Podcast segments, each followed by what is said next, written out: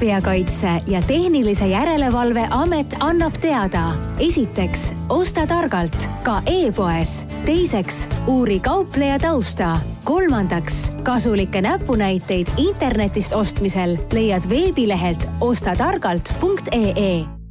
tere täna on taskusaates Luup külaliseks Tehnilise Järelevalve Ameti Euroopa Liidu Tarbijanõustamiskeskuse juhataja Kristina Vaksma-Tammaru. Mina olen saatejuht Juuli Nemvalts. Need, kes kuulasid meie eelmist esimest saadet, teavad juba, et Luubis leiavad käsitlemist teemad, mis on üleval olnud ajakirjanduses ja mis on kuulajatele aktuaalsed. saade Luup on eetris vähemalt kaks korda kuus. tere, Kristina! tere! ma tean, et teie lehel consumer.ee on kirjas, et Euro Euroopa Liidu Tarbijanõustamiskeskus pakub teavet, nõu ja abi piiriüleste ostude tegemisel Euroopa Liidus, Islandis ja Norras. Samas olete liitunud sellel aastal Tarbijakaitse ja Tehnilise Järelevalve Ameti, ametiga ja püüate siis piiriüleseid kaebusid lahendada oma siis osakonna kaudu et rääkige natuke rohkem, Kristina, sellest liitumisest ja et mis osakond te siis päriselt olete? Tegelikult meie see nii-öelda Euroopa Liidu Tarbijanõustamiskeskus tähistab järgmisel aastal juba viieteistkümnendat aastat.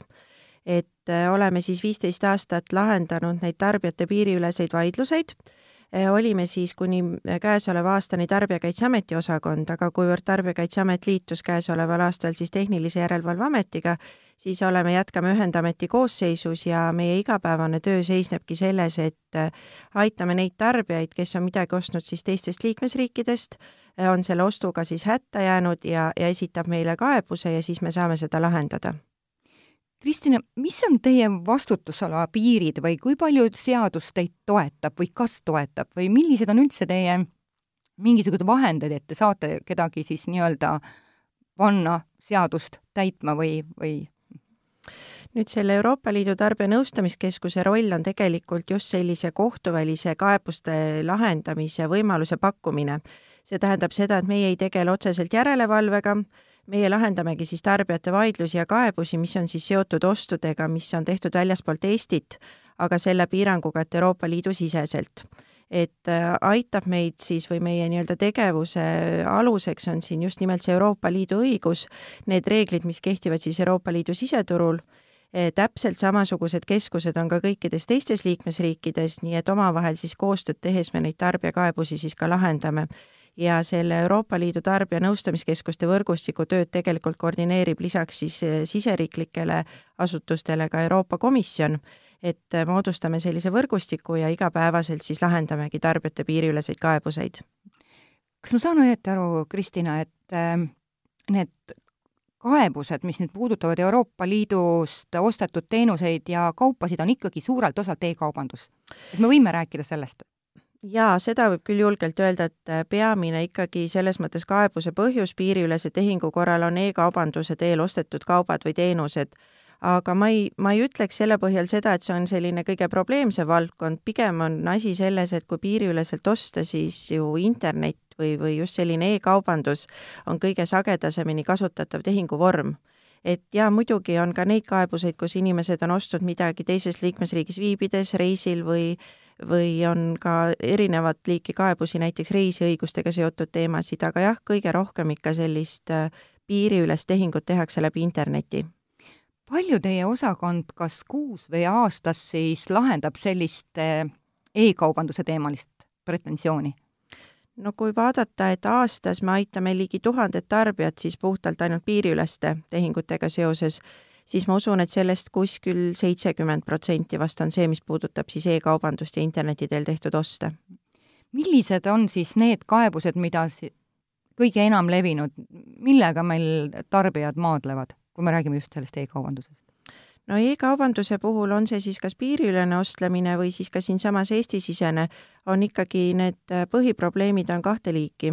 üks on siis see, et tellitud kaup ei jõua tarbijani, et raha on makstud, aga kaupa ei ole Äh, ja teine probleem on siis see, et kaup jõuab küll tarbijani, aga kaup ei vasta siis nõuetele. kas on saadetud vale toode või siis on see probleem selles, et kaubal ilmnevad kasutuse käigus mingid probleemid, et osutub kas defektseks, ei tööta korralikult, ilmneb praak, et selline tavaline kaupade puhul esinev siis probleem või pretensiooni esitamise põhjus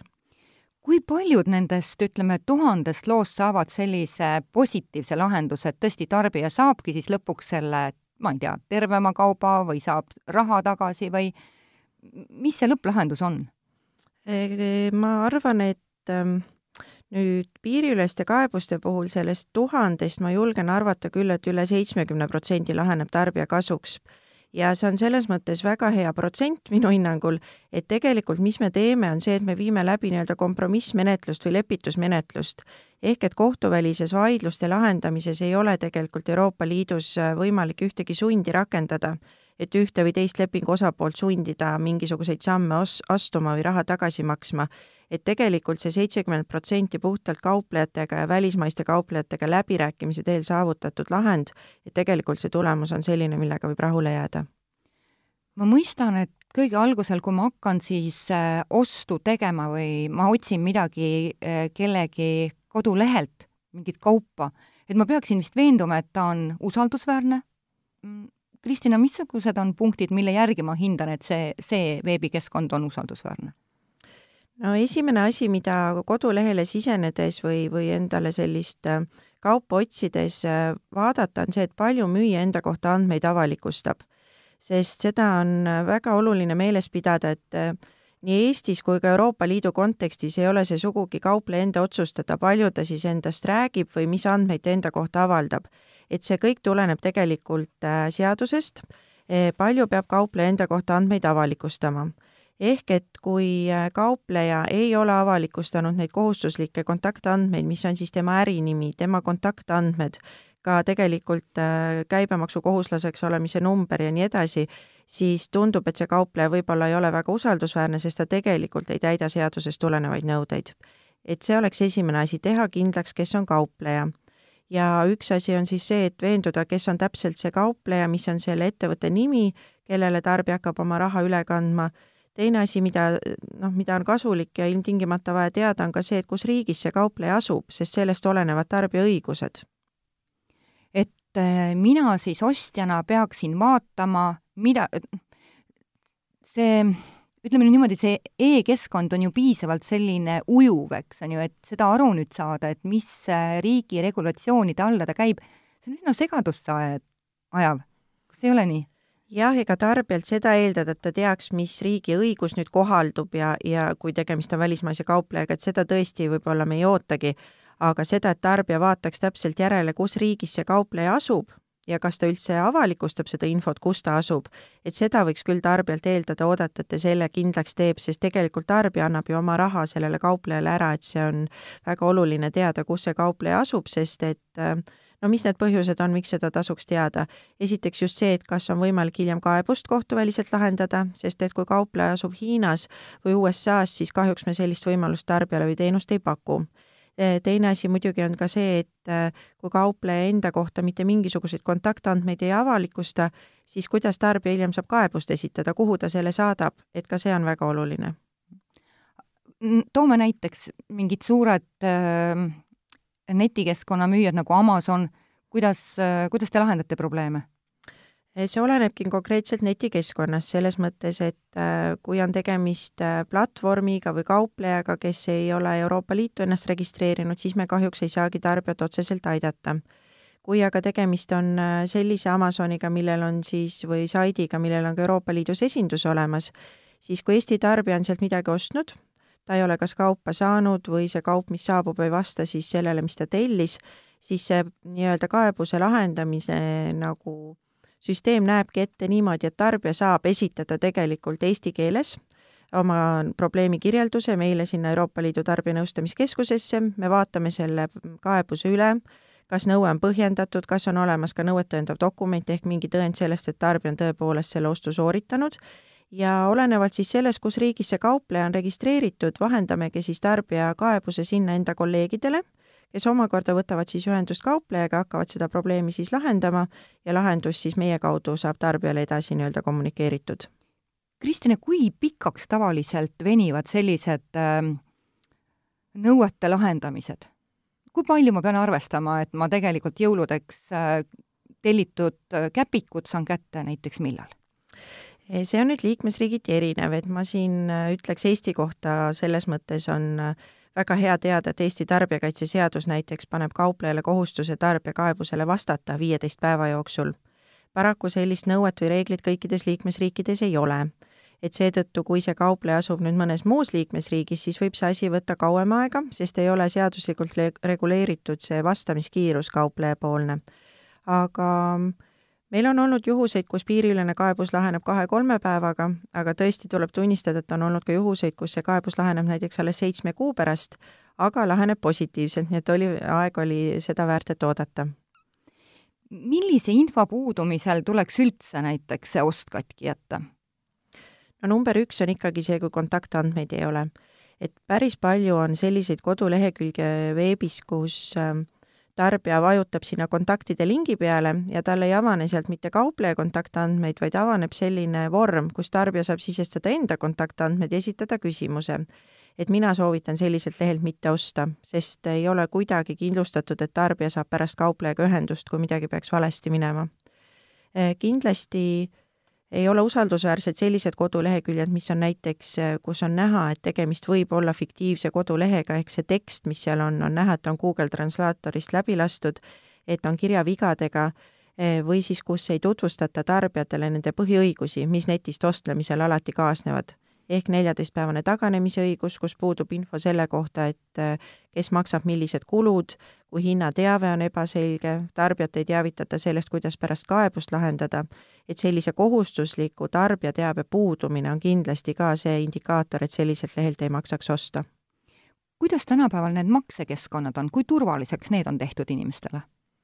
no kõige kuulsam maksekeskkond on vast PayPal, et PayPali kindlasti saab hinnata turvaliseks aga PayPali puhul on väga oluline tarbijatel teada seda, et, et seda PayPali kaitset nii-öelda kasutada, on tarbijale seatud konkreetsed tähtajad. et äh, meil on kahjuks olnud küll tarbijate kaebusi, kus tarbija ei ole õigeaegselt siis seda ostukaitset kasutanud ja ta kaotab õiguse selleks. et ka igasuguse makse äh, keskkonna või igasuguse ostugarantiide puhul, selleks, et neist ka reaalselt kasu oleks, on tarbijal kohustus ennem need tingimused läbi lugeda, et ta teaks õigesti toimida, et ta midagi maha ei maga või ise omapoolseid kohustusi täitmata ei jäta. millise äh, lehekülje kohta Tarbijakaitse ütleb, et see on libasait? ega seda ei olegi alati pealt vaadates ka meil võimalik öelda, et äh, kindlasti kui on kasutatud näiteks kuulsate kaubamärkide nimetusi, aga mitte sellisel originaalkujul, nagu seda kaubamärgi volitatud müüjad kasutavad, vaid veebiaadressi on lisatud näiteks selliseid äh, väljendeid nagu just for you lisaks kaubamärgi nimele või cheap või sale, siis need reeglina ei ole originaalsaidid. Mis alati muidugi ei tähenda ka seda, et sealt tellitud kaup kohale ei jõua, aga seda, et oleks originaaltoode, ei ole küll mõtet loota. Ehm, on olemas erinevaid selliseid ka otsingumootoreid, kus tegelikult saab veenduda või uurida, kus riiki see kaupleja on registreeritud ja üheks äh, selliseks äh, ka indikaatoriks, mille puhul võib väita, et kaupleja võib-olla ei ole väga usaldusväärne või tegemist võib olla libasaidiga, on see, kui kaupleja siis äh, oma kontaktandmetes jätab endast mulje nagu mõni näiteks Euroopa Liidu kaupleja, aga samal ajal siis tema tausta uurides, kus ta tegelikult asub ja, ja tegutseb, on tegemist hoopis mingisuguste tundmatu saartega, tundmatute saartega, või siis on tegemist väga-väga uue veebsaidiga, mis enda nii-öelda äh, ajaloo kohta annab teistsuguseid andmeid, kui tegelikult on näha siis andmeid kontrollides, et ta on alles paari kuu vanune, mis võib tähendada seda, et tegemist ongi sellise ajutise saidiga, mis ennast varsti lukku paneb. nii et esimene reegel on ikkagi, et guugeldada, vaadata tausta? jaa, guugeldada me soovitame alati, sellepärast et Google'i kaudu võib äh, välja tulla ka teiste tarbijate hoiatusi ja negatiivseid kogemusi, et selles mõttes see, see, seda tasub teha no peatselt tuleb meil jälle ostjate rõõmuks mustreede kus on erinevaid äh, toredaid pakkumisi ja, ja loomulikult peibutatakse siis bränditoodete ja kaubamärkidega. ja need on sageli või mõnikord väga-väga soodsad, ütleme odavad. Kristina, kuidas mina kui tarbija nüüd peaksin käituma? millal ma langen lõksu? no see on selge, et äh, tavalisest äh, nüüd poole odavamalt ei müüda ühtegi bränditoodet, et see ikkagi on tõenäoliselt võltsing ja ikkagi seesama näpunäide, et vaadata, kas on originaaltoodete edasimüüjaga tegemist selles mõttes, et kui seal on suurelt need sellised äh, sale ja cheap ja just for you igasugused äh, väited juures, eriti siis veebiaadressis, siis kindlasti need ei ole originaaltooted. ja, ja kui nüüd mõelda rahulikult, et, et mis põhjus peaks olema mõnda väga väärtuslikku või kallihinnalist toodet müüa nii-öelda poolmuidu, et, et seda tegelikult ei tehta, et see ikkagi reeglina ei ole päris see, kuidas ta paistab. kas ostjal äh, on ka mingi risk sellega, kui ta ostab teadlikult äh, võltstoodet? kas temaga juhtub midagi? see oleneb tegelikult liikmesriigist, et mõnes liikmesriigis on tõesti võltstoodete ostmine, isegi kui see on tehtud teadmatusest, on karistatav. näiteks on selline riik Itaalia. aga Eestis nüüd ütleme, seda ostjat karistada ei saa, aga sellegipoolest noh, võltstoodete ostmine, isegi kui ta on teadlik, siis pigem seda mitte kasutada. ja teeme ühe väikese pausi vahepeal tarbijakaitse ja Tehnilise Järelevalve Amet annab teada. esiteks, osta targalt ka e-poes. teiseks, uuri kaupleja tausta. kolmandaks, kasulikke näpunäiteid internetist ostmisel leiad veebilehelt ostatargalt.ee. oleme tagasi nüüd stuudios ja tahaksin, Kristina, küsida sellist, äh, ma arvan, paljusid inimesi huvitavat äh, teemat, et millised on siis üldse tarbija põhiõigused netipoest ostes, et mulle tundub, et see on nagu üks suur džungel ja, ja mul ei ole mingisuguseid ülevaateid. tarbija õigused netipoest ostes on tegelikult äh, küllaltki lihtsad ja nad on väga konkreetsed. et äh, no peamine õigus, mis eristab siis seda netipoest ostmist ja tavapoest ostmist, ongi see, et netipoes ostes tegelikult tarbija seda kaupa ei näe füüsiliselt ostumomendil katsuda ei saa ega tutvuda sellega ja seetõttu ongi siis seadusega antud tarbijale nii-öelda taganemisõigus, mida tavapoes tegelikult ei ole. ehk et äh, tarbijal on siis neliteist päeva nel-, netist tellitud esemega võimalik tutvuda äh, ja kui see ei sobi, siis tagasi saata. Ja väga oluline on siin seda teada, et seda tagasisaatmist ei pea tarbija tegelikult kuidagi põhjendama et kauplejal ei ole õigus hakata tarbijat veenma, et võib-olla siis ostate meilt midagi muud või võib-olla ikkagi jätate selle endale, et seda põhjust tarbija avaldama ei pea, tal on see lihtsalt õigus tagasi saata. kus võib aga vaidlus tekkida see, et mida siis see neljateistpäevane tutvumisaeg tähendab? et äh, kas tarbija võib natuke seda näiteks, kui ta on ostnud mõne rõivaeseme kleidi, kas ta võib seda ka natuke kanda ja selles, selliselt veenduda selle sobivuses, et äh, tegelikult annab seadus siin ka päris äh, selge või konkreetse nagu määratluse, et äh, netis tellitud kaubaga võib tutvuda või seda proovida samal määral, nagu seda saaks teha tavakaupluses. et siis ei, ei, ei väärtus asjal ei vähene, kaupleja saab seda uuesti realiseerida, et selles mõttes siis asja otseselt kasutusele võtta või kandma hakata ei tohi, et see neljateist päeva jooksul siis hiljem tagasi saata. kui palju on mingid sellised kohustused, et sa ei tohi pakendit rikkuda ja nii edasi?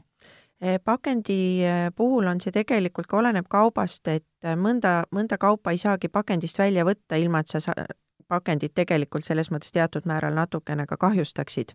et seda ei tohi tingimuseks seada, et pakend peab olema avamata või pakend ei tohi olla siis avamisjälgedega. et vastasel juhul ei saa ju tarbija selle kaubaga tutvuda ega seda proovida.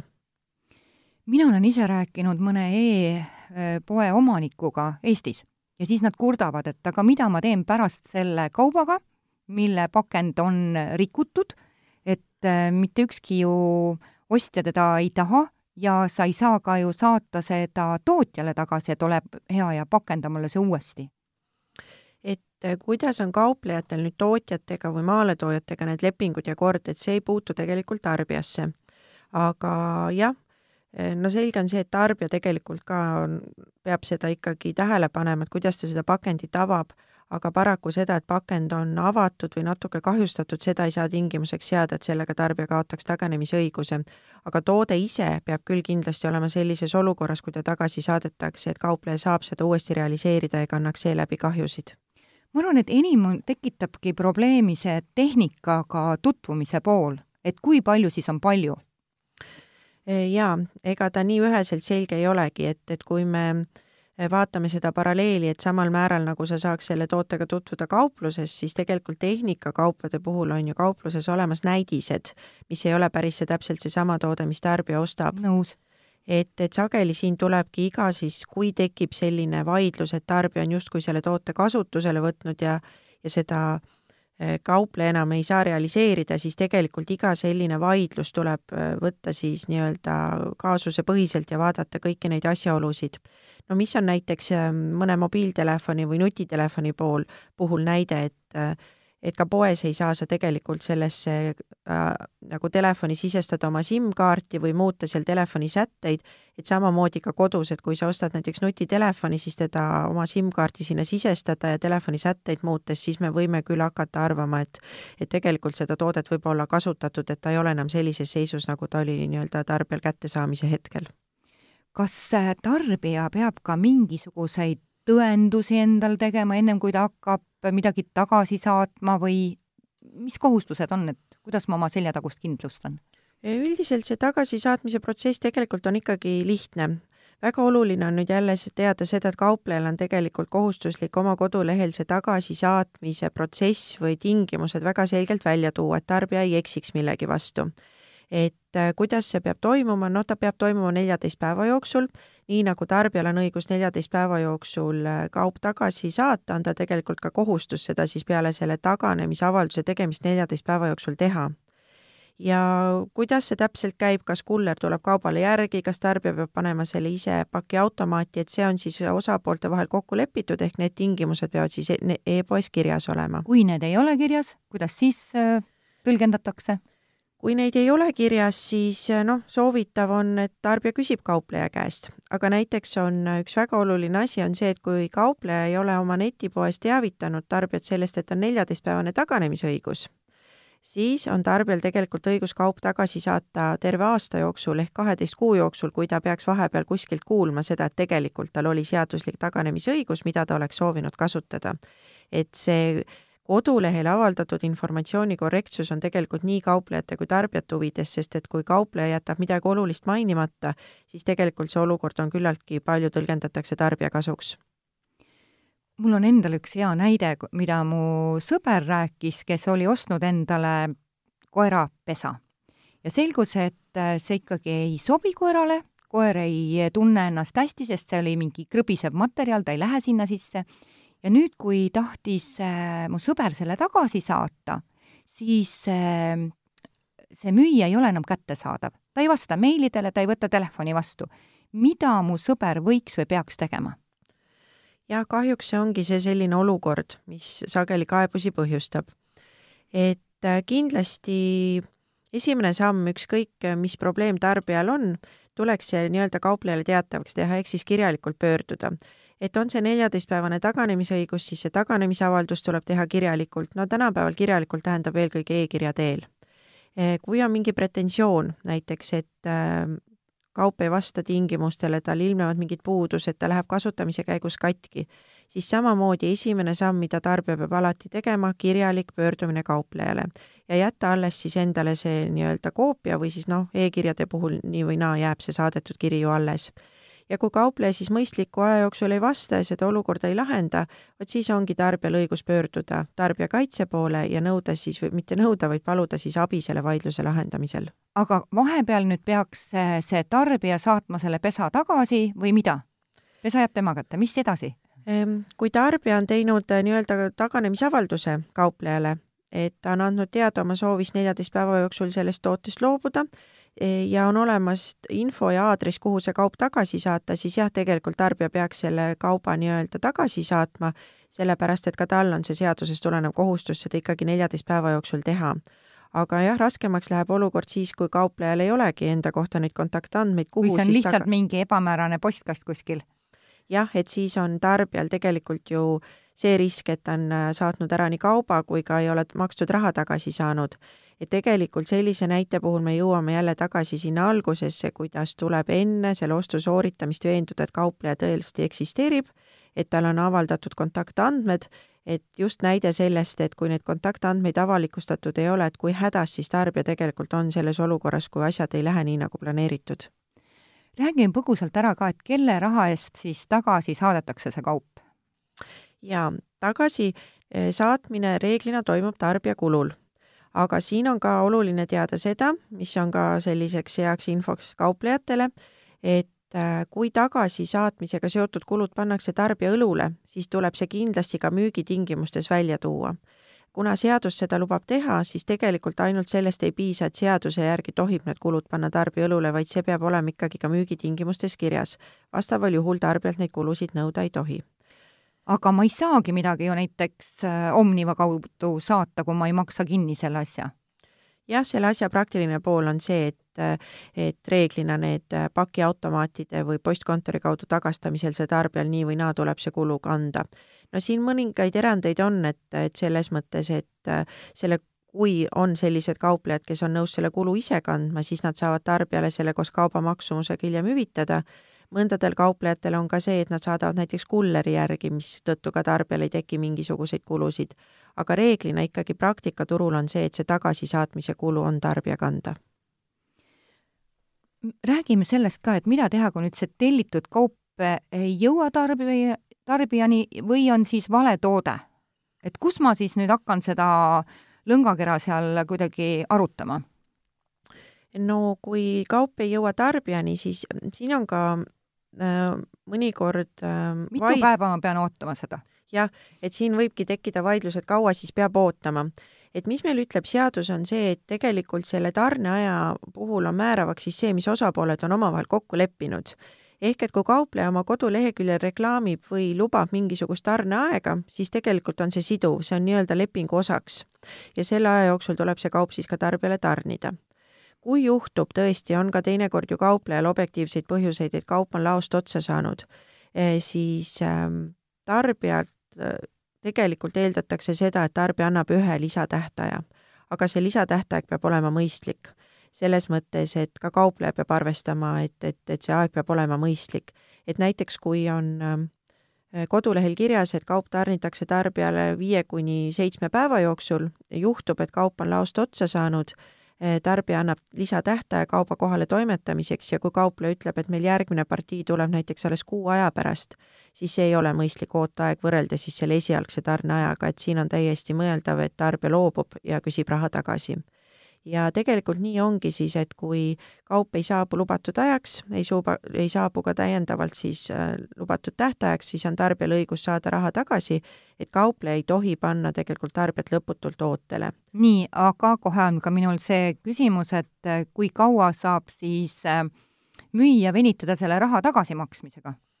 raha tagasimaksmisega on ka tähtajad, neliteist päeva, täpselt seesama ajavahemik, mis on siis ka kauba tagasisaatmiseks on kauplejal siis seadusjärgne kohustus, kui ta on tarbijalt saanud taganemisavalduse, ehk et siis selle e-kirja või, või läbi kodulehe siis selle teate, et tarbija soovib kasutada oma taganemisõigust, siis on kauplejal neljateist päeva jooksul kohustus siis tarbijale raha tagasi maksta.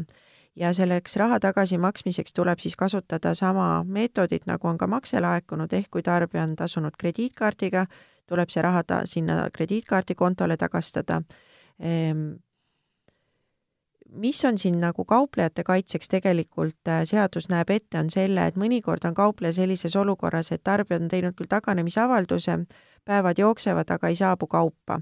et äh, kauplejale on antud ka tegelikult õigus seda tagasimakset kinni pidada nii kaua, kuni ta on saanud siis tarbijalt kas kauba tagasi või siis tal on õigus küsida tarbijalt tõendit selle kohta, et tarbija tõepoolest on selle kauba postitanud. ahhaa aga kui on nüüd selline, ma saan aru, pehme või selline soo äh, situatsioon, kus äh, väidetavalt on kaup ära saadetud, ta peaks olema ju tarbijal käes, tarbija ütleb, et mul ei ole seda, ma ei ole kätte saanud. et kes siis hakkab seda asja nagu lahendama, äh, raha on ära makstud, kaup on ära saadetud, aga pole kätte saadud? no siin tõenäoliselt on ka ikkagi see tõendamiskohustus, et kui kaupleja selle kauba on teele pannud ja tarbija on selle vastu võtnud, kas siis pakiautomaadist või postkontorist või kulleri käest, siis tegelikult jääb ju sellest jälg maha. et sellised vaidlused, kus kaupleja ütleb, et ma olen kauba välja saatnud ja tarbija ütleb, et aga ma ei ole seda kätte saanud, on suhteliselt harvad et siin peab seda tõestab siis kes, et ta ei ole kätte saanud, on siis seesama saatja peab seda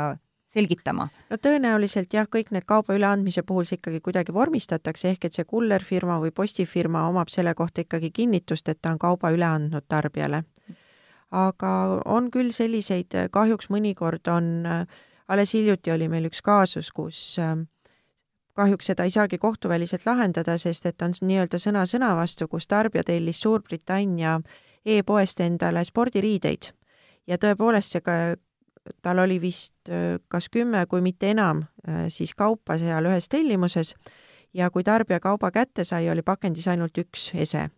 ja see vaidlus siis kestis küllaltki kaua ja kaupleja tõendas ka omalt poolt ära, tõesti saatelehe peal oli kirjas, et äh, laost on välja läinud kogu tellimus, tarbija ütles, et ta on saanud tõesti ainult ühe eseme ja, ja kumbki osapool siis nii-öelda järgi ei andnud või oma viga ei tunnistanud, et, et mõnikord tõesti on sellised lood, mida ei õnnestugi lahendada. aga reeglina ikkagi see, et kas kaup on kätte saadud ja, ja laost välja saadetud, et nendest asjadest jäävad märgid maha ja seda, seda on kerge tõendada kui ma nüüd korra veel küsin tagasi selle sõbra näite juures, äh, kellel on siis see koerapesa kodus, mida koer ei taha, siis äh, võib ju arvata, et see koer seal siiski ükskord sees võib-olla käis. Ja nüüd ongi see kurikuulus küsimus, kas seda pesa on kasutatud või mitte no kui koer seal korra sees käis, siis mina eeldan, et see on proovimine, et see on selline noh, mida võib lugeda selliseks, et kaubaga tutvuti selliselt, nagu on lubatud. ja tegelikult, mis on aluseks ka, et kas ähm, kaupa on siis rohkem kasutatud, kui on lubatud, siis on kasutusel selline väljend nagu väärtuse vähenemine. et kui on näha, et selle proovimise käigus või kaubaga tutvumise käigus on kauba väärtust vähendatud, ehk et tal on selged kandmis- või proovimistunnused, siis me võime jah öelda, et tegelikult teda on ülemäära palju siis kas proovitud või kasutatud, aga ka siinkohal tegelikult täna meil seadus ütleb niimoodi, et kui ka kauba väärtust on vähendatud sellega tutvumise ajal, siis ei tähenda see sugugi seda, et tarbija jääb ilma sellest taganemisõigusest. see tähendab siis seda, et talle võib-olla tagasimakstavat summat vähendatakse proportsionaalselt siis seoses sellega, palju selle kauba väärtus on vähenenud aga see ja selle äh, protsendi nüüd määrab müüja ise? jah, see nii-öelda hinnangu andmise õigus on antud müüjale, aga siit kindlasti kohe ka järgmine küsimus, et mille alusel ta siis seda hindab. et paraku ei anna meile seadus ega ka direktiiv selle kohta ühtegi sellist otsest suunist või protsenti, et tegelikult see on ikkagi müüja otsustada või ütleme siis kaasusepõhiselt, muidugi seda võib alati vaidlustada täpselt samamoodi, kui tarbija tunneb, et, et talle on liiga tehtud, et selle asja väärtus ei olnud vähenenud ja müüja poolt see kinni peetud summa ei ole aus, siis täpselt samamoodi on meil tegemist vaidlusega, mida siis saab hakata lahendama ja, ja osapooltega läbi rääkima aga äh, seda on jah, oluline teada, et isegi kui kauba väärtus on vähenenud, siis täna seadus ei, ei tähend-, ei luba selle tõttu siis tarbijalt ära võtta kogu taganemisõigust.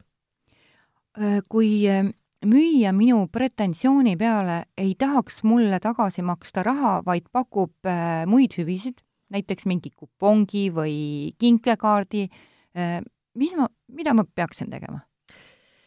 see ei ole tegelikult päris nagu kor-, korrektne, selles mõttes, et ikkagi seadus näeb ette seda või tarbija õigus on see saada tagasi makstud raha.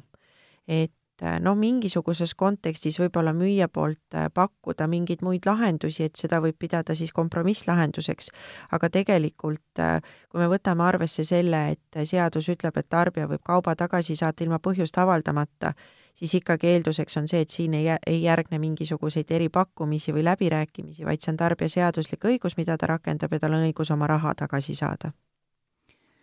kui ma teid kuulan, siis äh mul on isegi natuke nagu kahju ka nendest e-kauplejatest, äh, sest tundub, et nad on suhteliselt haavatavad. jaa, seda võib öelda küll, et ega kaupleja risk ei ole sugugi väiksem kui tarbija oma sellise tehingu puhul. et tegelikult on siin äh, eelduseks ikkagi see vastastikune usaldus et on tarbija olukorras, kus ta peab tegelikult usaldama kauplejat, kellest ta näeb ainult kodulehekülge, et ta annab talle oma raha ja loodab, et kaup tuleb kohale see kaup on korrektne ja samamoodi tegelikult jah, on ka kauplejal tegelikult eelduseks see, et ta usaldab oma tarbijaid, et võtab teatava riski, et kui ta saadab selle kauba välja, eh, lasub tal eh, siis seadusest tulenev kohustus see neljateist päeva jooksul ka tagasi võtta, kui tarbija seda soovib, et millises seisus see kaup tagasi tuleb ja nii edasi, et tegelikult ma isegi võin öelda, et need riskid on mõlemal poolel ja küllaltki jah, võib-olla võrdsed ja teine asi, mis ma äh, meie vestlusest veel välja nopin, on see, et ostjal on ka väga suured riskid, et kui tal tõesti see kaup ei sobi, samas on võib-olla see ka päris hinnaline kaup olnud, nüüd ta kirjutab selle, kas ta peab pretensiooni kirjutama, eks on ju, algusel, ja siis saatma kauba ära? ühesõnaga, siis ta on kaubast ka lahti saanud ja tal ei ole mitte midagi ja ta peab lihtsalt lootma selle müüja hea äh, nagu soovlikkuse peale no tegelikult äh, jah, see usalduse moment on siin ikkagi olemas, kuigi kogu seda olukorda reguleerib ju tegelikult seadus. ja, ja no tarbijal on, mida võib-olla väga paljud ei tea, et, et kui ei õnnestu tegelikult seda äh, noh, kaup on tagasi saadetud, raha ei laeku tarbijani, tekivad sedalaadi vaidlused, et siis tegelikult on ka siin neid täiendavaid lisakaitseid, et millest me juba rääkisime, on need igasugused ostukaitsed, nagu näiteks PayPal, mis on kindlasti väga praktilise väärtusega. mis asi on ostukaitse? mina ei ole kuulnud äh, no ostukaitse on selline üldistav sõna, et need on need erinevad võib-olla maksekeskkonnad või, või ütleme, kus siis mõni portaal või kodulehekülg tagab selle, et äh, et ta võib-olla ei kanna seda raha siis sellele kauplejale äh, kui tarbija ei ole omalt poolt andnud märku, et kõik on korras ja ta on kauba kätte saanud, või on seal mingisugused sellised lisatagatised või garantiid, et, et äh, osapoole raha nagu on võimalik ka teistmoodi tagasi saada, kui siis puhtalt ainult selle kauplejaga nii-öelda vaieldes või talle pretensiooni esitades. aga mis on võib-olla ka kvalifitseerub nii-öelda ostukaitse alla, on tegelikult see, et kui me maksame krediitkaardiga, siis on meil ka kaardiorganisatsioonide poolt teatav lisakaitse ehk et kui krediitkaardiga tehtud tehingu puhul üks osapool oma kohustusi ei täida, kaupa välja ei saada, siis tarbijal on täiendav võimalus pöörduda ka siis kaardi väljastanud panga poole ja alustada nii-öelda tagasinõudemenetlust ehk saada siis enda kontole see makstud summa tagasi, kui ta ei ole saanud selle eest makstud, sellega makstud siis teenust või kaupa. Kristine, kui palju teie teate neid juhtumeid, et äh, klient on saanud läbi panga siis selle raha tagasi? Teame küll, selles mõttes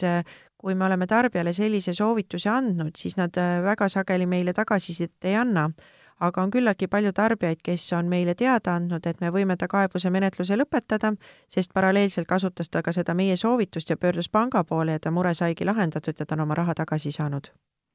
nii et kui ma mm, võtaksin nagu selle ostmise ähm, protsessi kokku, siis esimene soovitus oleks, et me maksaksime läbi krediitkaardi, on see nii? jah, krediitkaardiga makstes on teatav lisakaitse olemas, aga samal ajal, kui on siin ka meie Eesti kauplejad, kes pakuvad pangalingi kaudu maksmist, et ega see kaupleja usaldusväärsust kuidagi ei vähenda. ja teiseks me peaksime veenduma, kes on siis müüja ja et asuks sellises riigis, kuhu tarbijakaitse regulatsioonid ulatuvad, saame aru? Jaa, see on küll number üks näpunäide, mida ma alati kordan, et kaupleja isik kindlaks teha enne raha kandmist või ostu sooritamist. ja mis puudutab siis seda, et kus riigis see kaupleja asub, et ega kolmandatest riikidest, ütleme Hiinast või Ameerika Ühendriikidest ostmine ei pruugi sugugi ohtlikum või halvem olla. lihtsalt siin on jah, see üks nüanss, millega tarbija peab siis arvestama, et äh, väljaspoolt Euroopa Liitu ostetud äh, kaupade puhul ei ole lihtsalt kättesaadav selline kohtuväline vaidluste lahendamise süsteem kui palju, Kristina, jätavadki inimesed siis selle vaidluse pooleli, kuna ostja või müüja asubki kuskil mujal siis äh, kolmandas riigis? paraku meil ikka tuleb jah, selliseid äh, vastuseid tarbijatele anda või tarbijaid nõustada, et, et et kuna te olete ostnud väljaspoolt Euroopa Liitu, siis me teid otseselt aidata ei saa, kindlasti me proovime tarbijat nõustada kas või sellesama krediitkaardiga maksmise puhul selle tagasinõudemenetluse osas. Ja noh, ega tarbijad tegelikult, kes on aktiivne, võib-olla leiab sealt kolmandast riigist ka tarbijakaitseasutuse üles ja, ja võib-olla tõesti need tarbijad ka aitavad, aga noh,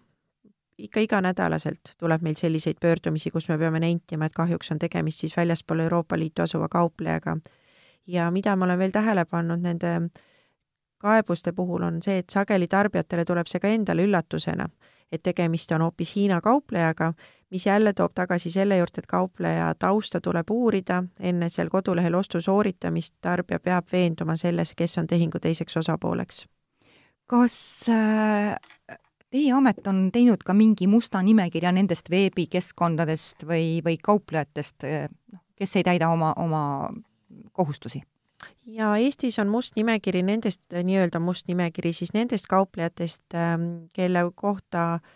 meil on olemas siis äh, tarbijavaidluste komisjoni otsus, ehk et on vaidlus jõudnud tarbijakaitsesse, seda on arutatud, on tehtud otsus tarbija kasuks ja kaupleja ei ole seda otsust täitnud. ja noh, need otsused puudutavad erinevaid tehinguid, mitte ainult netiga, netikaubanduses tehtud tehinguid, aga nende hulgas on tõesti ka siis äh, Need kauplejad, kes ei ole tarbijavaidluste komisjoni otsust täitnud, need vaidlused võivad puudutada just nimelt selliseid lihtsaid olukordi ka, et kaup on jäänud tarnimata või siis ka tarbija on midagi netipoest ostnud, see saadetud toode on osutunud praagiks ja ka siis näiteks kaupleja ei ole omapoolseid kohustusi täitnud. aga need, mis nüüd asuvad väljaspool Eestit, selle kohta teil ei ole, et noh, teil on ju ametist ikkagi võib-olla teada need kümned saidid, mis tegelikult ei ole need, kes nad algusel väidavad? ja eks Euroopa Liidu tasandil on ka selliseid probleemseid veebisaite, et ähm,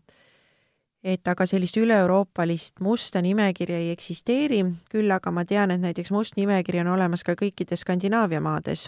aga samasugustel alustel siis nagu Eestis, et need, kes ei ole siis täitnud sellist otsust, mis on siis tarbija-kaupleja vahelise vaidluse osas tehtud,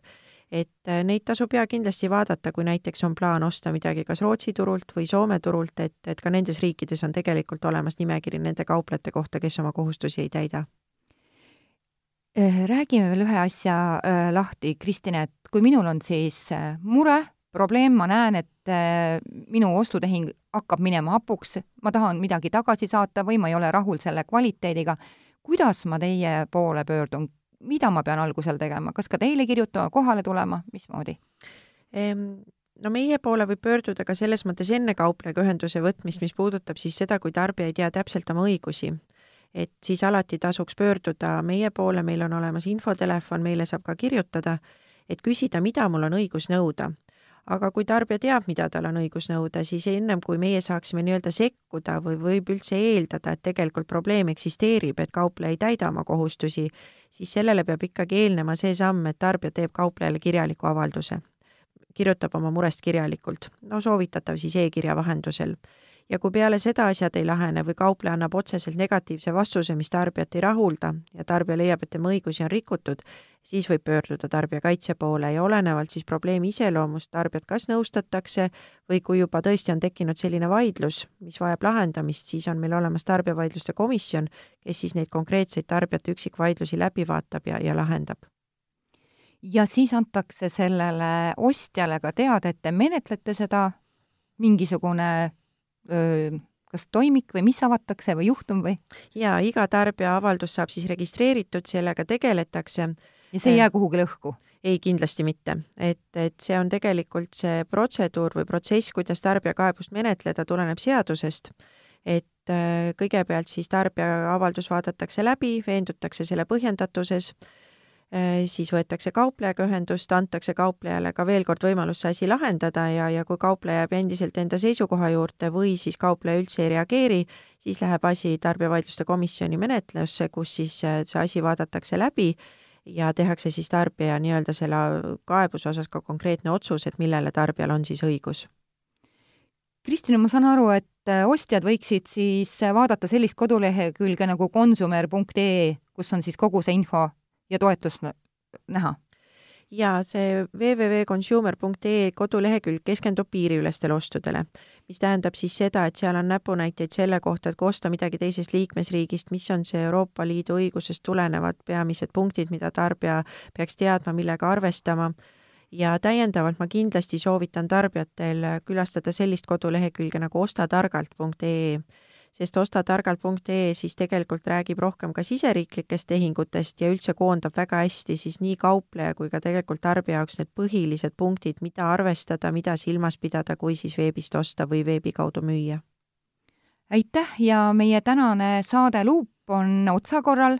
Külaliseks oli Tehnilise Järelevalve Ameti Euroopa Liidu Tarbija Nõustamiskeskuse juhataja Kristina Vaksma-Tammaru, mina olen saatejuht Juuli Nemvalts tarbijakaitse ja Tehnilise Järelevalve Amet annab teada. esiteks, osta targalt ka e-poes. teiseks, uuri kaupleja tausta. kolmandaks, kasulikke näpunäiteid internetist ostmisel leiad veebilehelt ostatargalt.ee